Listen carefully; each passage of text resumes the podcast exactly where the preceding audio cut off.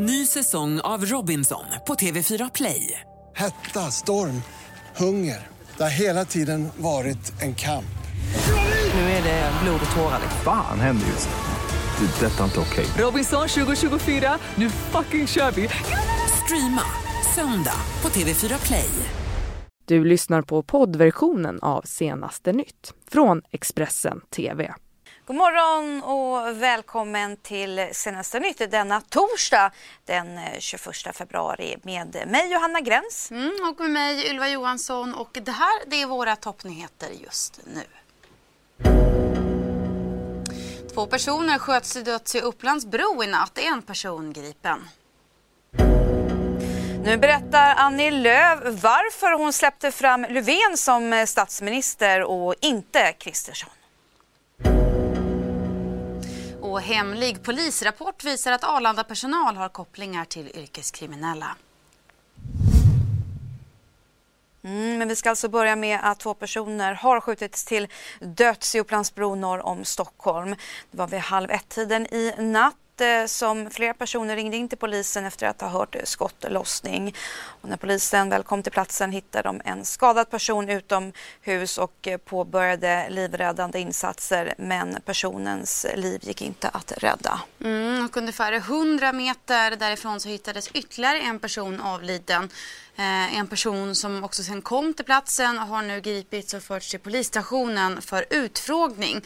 Och polisen har nu också inlett en förundersökning om mord och spärrat av den här platsen med flera polispatruller närvarande. Och polisen söker nu också efter observationer från platsen och uppmanar alla som sett något eller hört något som kan ha någon koppling till den här händelsen att höra av sig till eh, 114 14. Mm. Vi ska nu till eh, politik för Centerpartiet och Annie Lööf. Eh, de beskrevs ju under regeringsbildningsprocessen som de med makten i hand.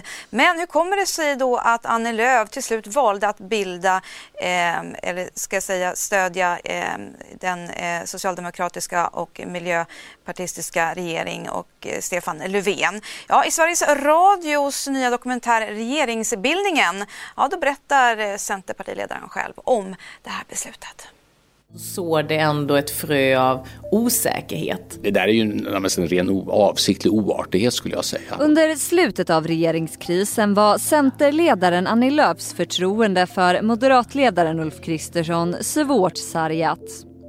I Sveriges Radios dokumentär Regeringsbildningen berättar både Centerledaren och Ulf Kristersson om hösten och vintern då Sverige stod utan regering.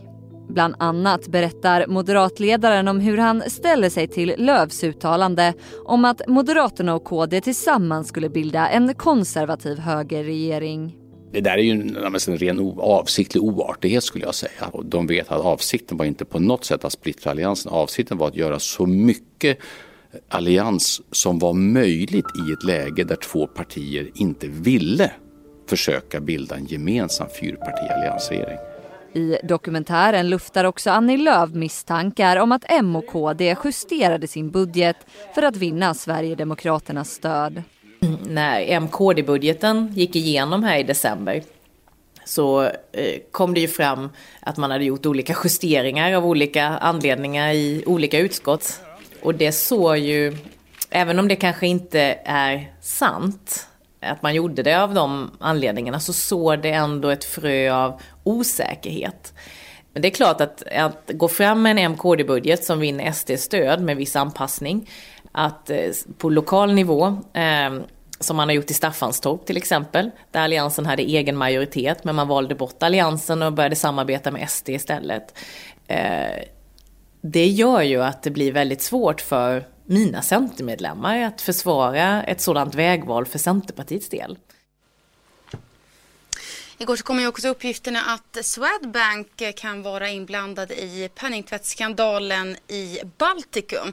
Och efter det så rasade Swedbanks aktie med 13,6 procent efter de här uppgifterna i SVTs Uppdrag granskning. Och Swedbank är ju inte den första banken som hamnat i blåsväder efter liknande uppgifter. Under hösten så kunde vi se Danske Bank skakas av liknande, en liknande penningtvättsskandal. En historia som startade redan 2013. Jag tänkte bara sådär att nu känns det ännu mer viktigt att det är dags att byta bank. Eh, lite liksom sådär, en bank som verkligen inte kan hålla på på det här sättet. Så känns det. Så att det blir att leta en ny bank.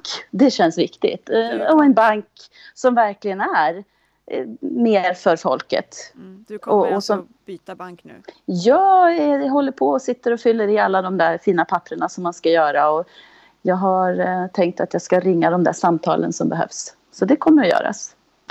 Ja, men det är lite, man måste markera. Man måste liksom ändå ta informationen som sker och, och, och, tala om att det räcker. Alltså man kan inte låta den ena sån här bankskandal eh, det är ju ändå våra pengar och samtidigt så vill man inte ha kriminellas pengar och pengar som liksom då används eller som kommer ifrån alltså, alltså kriminell verksamhet. Alltså där liksom människor far väldigt illa i sån verksamhet. Det känns så långt bort från en bankverksamhet.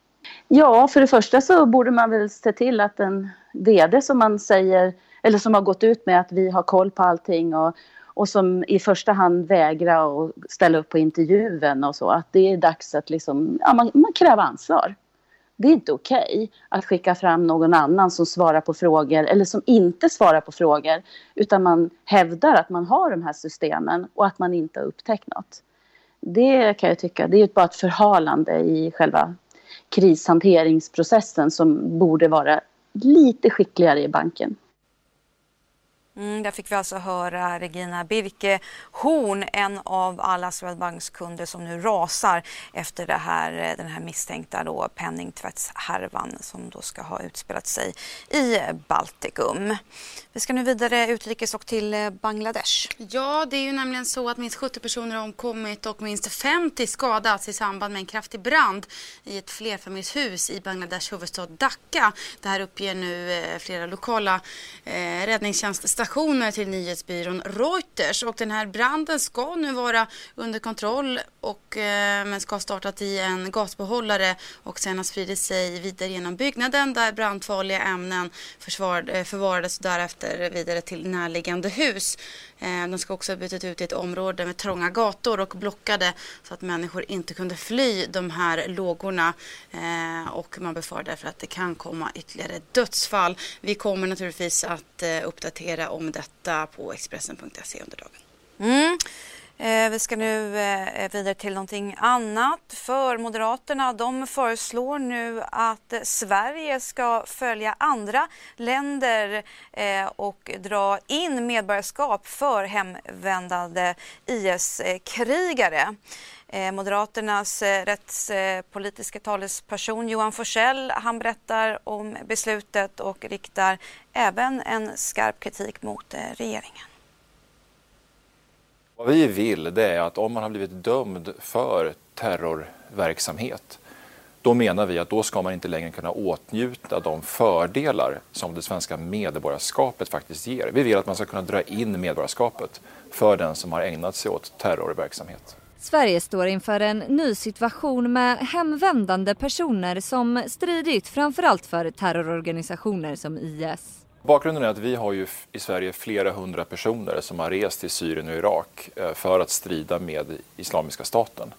Och vi menar ju att Sverige inte är rustat för att då ta emot de här personerna om de återvänder hem. Nu vill Moderaterna att Sverige ändrar grundlagen och fråntar personer som dömts för terrorbrott sitt svenska medborgarskap. Vi ser också att Säkerhetspolisen ju pekar på att islamistisk eh, extremism är den största hotet mot säkerheten i Sverige idag. Folkrätten tillåter inte länder att göra personer statslösa. Därför kan Sverige endast frånta personer sitt svenska pass om personen innehar dubbla medborgarskap. Flera länder i Europa har redan gjort lagmässiga förändringar och Moderaternas Johan Forsell riktar nu skarp kritik mot regeringen. Ja, det är många ord, men det händer ju tyvärr väldigt lite. De här sakerna som vi nu föreslår och som vi också har föreslagit tidigare, de borde ha genomförts redan för flera år sedan och vi ser ju att Sverige släpar ju efter här. Tittar vi till exempel på Tyskland och Danmark och Finland så finns ju den här möjligheten att dra tillbaka medborgarskapet redan eller att man nu är på väg att att lägga fram lagstiftningen, men inte i Sverige. Och jag menar att nu måste regeringen sluta dra benen efter sig. Justitieminister Morgan Johansson måste börja agera, inte bara prata om att agera. Mm. Vi ska nu till eh, USA och en händelse som utspelats där. Mm, det handlar om eh, den amerikanska säkerhetspolisen FBI som nu gripit en kustvakt som planerade att mörda politiker, journalister och ett stort antal civila. Och den här mannen som heter Christopher Paul Hasson, han greps i fredags i Silver Spring strax utanför Washington DC i Maryland i USA. Och den här mannen han uppges vara direkt inspirerad av den norske terroristen terroristen Anders Behring Breivik och ska ha haft för avsikt att citat etablera ett vitt eh, hemland, slutcitat, och citat döda varenda människa på jorden, slutcitat. Mm. Och eh, i sin lägenhet då kunde, eh, kunde polisen då eh, konstatera att, man, eh, att han hade förvarat hela 15 gevär och tillräckligt mycket med ammunition för att iscensätta då ett massmord. Han greps eh, för illegala vapen och droginnehav men kommer sannolikt nu att eh, eh, dömas för allt grövre brott. Vi ska fortsätta inom rättsfall men här handlar det om i Sverige. Det handlar om Märstanätverket, Husbynätverket och Hells Angels och nätverket Tyson. Alla de här ägnar sig åt narkotiska, narkotikasmuggling och grova våldsbrott. Och en hemligstämplad polisrapport visar nu att flera anställda på flygplatsen Arlanda kan kopplas till de här gängen. Och Kvällsposten Federico Moreno han har granskat den här rapporten. Enligt rapporten har personerna strategiska positioner på flygplatsen. Det handlar bland annat om flygplatskontrollanter i företag som gör säkerhetskontroller av resenärer och som röntgar bagage och flera som utnyttjar sin funktion för brottslig verksamhet. Personer som är fullvärdiga medlemmar i Hells Angels har haft tillgång till landningsbanan.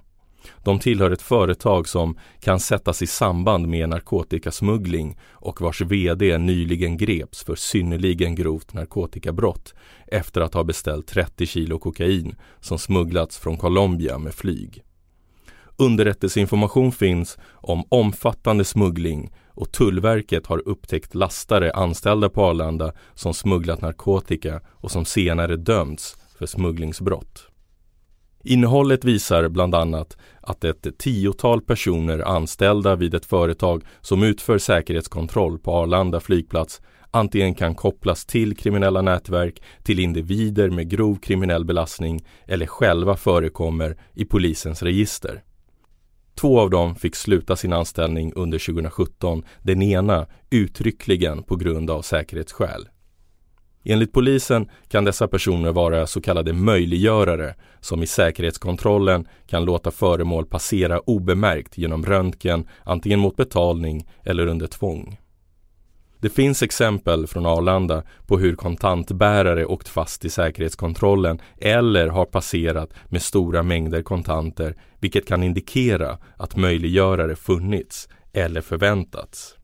I rapporten beskrivs ett fall där en anställd utgör en del i mycket välorganiserad smuggling av gods i resväskor och paket.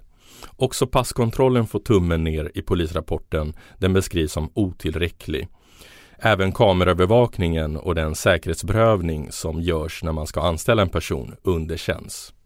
Kvällsposten har tidigare rapporterat att Sveriges gränskontroller fått svidande kritik i en Schengen-rapport. I januari kunde tidningen avslöja att personer som befinner sig i landet illegalt fick jobb på polisstationen i Arlanda. I december rapporterade Svenska Dagbladet att en passkontrollant på Arlanda gjort ett stort antal förbjudna slagningar i polisens spaningsregister och att hon bland annat gjort sökningar på två personer som senare mördades.